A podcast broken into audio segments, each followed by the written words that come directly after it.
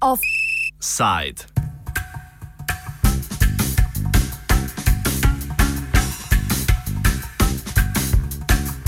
Seciranje insolvenčnega zakona in tisto, kar ostane potem.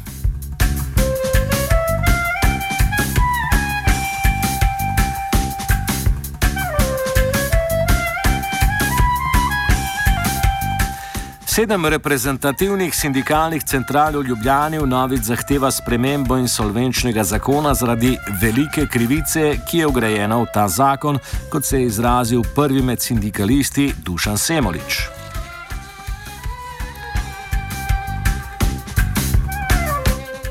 O tem, katere spremembe je prinesla trenutna različica v primerjavi z zastarelo, pravnik Lojze Ude.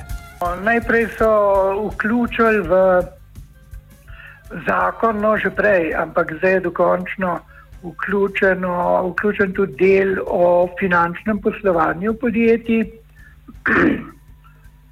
drugače so pa spremenjeni posamezni instituti, uh, nekoliko mm, povečana varnost upnikov, olajšana zlasti prisilna poravnava, uh,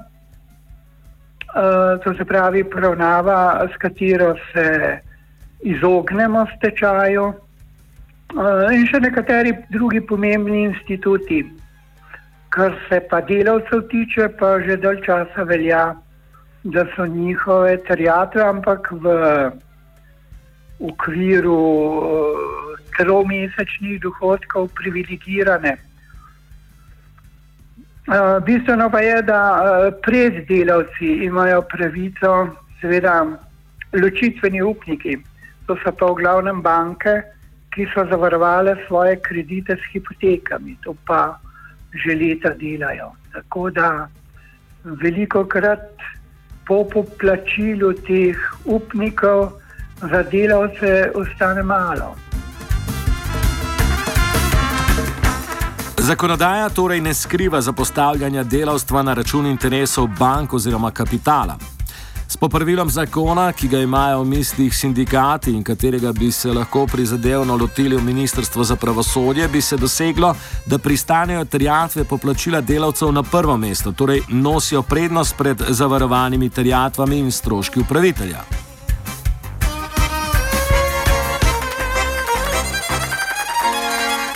Ministrstvo za pravosodje pravi, da je problem razumelo, medtem ko nam je druga državna pristojna institucija, Ministrstvo za delo, javila, da načeloma podpira spremembe insolvenčne zakonodaje, ki bi pri poplačilu dale prednost delavcem.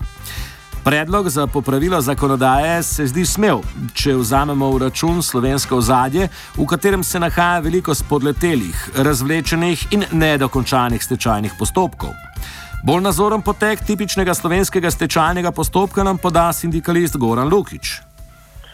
Se, če pogledamo na načelni ravni, že sama situacija, ki se zdaj nam dogaja, da trajajo stečajni postopki po več let, ne vem, zdaj, če sem sinčen, skoraj več deset leti, eh, je zelo, zelo problematično. Mi smo že nekaj časa, pa več časa ustrajamo na sindikalni strani, da mora ta stečajni postopek biti čim prej eh, in seveda tukaj potem tudi vloga učinkovitega oziroma učinkovita vloga sečajnega upravitelja, eh, torej kaj bo potem na zadnje eh, potegnil ven eh, za to stečajno maso, ampak potegnem črto, nikakor ni v korist delavcev, poleg tega, da so eh, pač eh, tam, kjer so glede poplačila terjatov, da se vse skupaj to tako zavlačuje, eh, ker pogledamo si primere teh lepadlih eh, simogradbenih velikanov, ko še zdaj ljudje v dosti primerih v bistvu čakajo na poplačilo.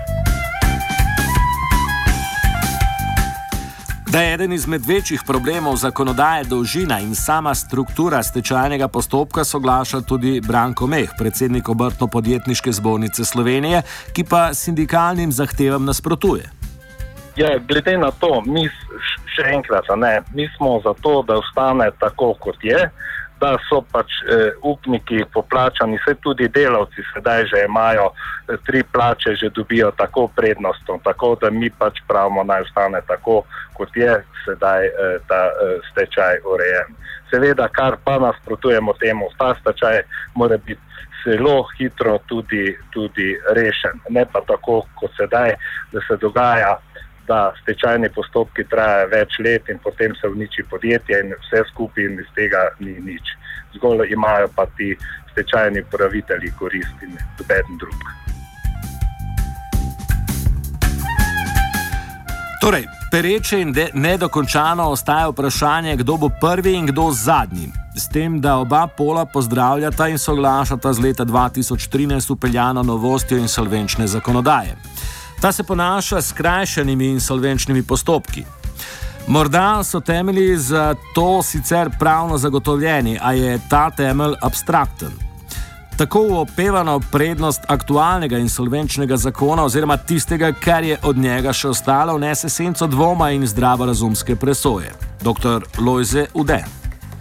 A veste, s temi skrajšanimi postopki, eh, kratkimi postopki, pa eh, naj eh, nehajo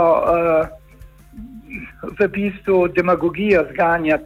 Postopek se da skrajšati do določene meje ampak če terjatve postanejo sporne in številne terjatve so sporne, zlasti tiste zavarovane z ločitvenimi pravicami, potem eh, je treba izpeljati poprej sodne postopke. In te, te sodne postopke ne vem, kako bojo kar na hitro skrajševali.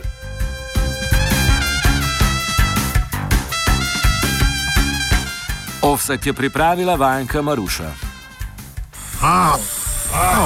Offside. Radio študent.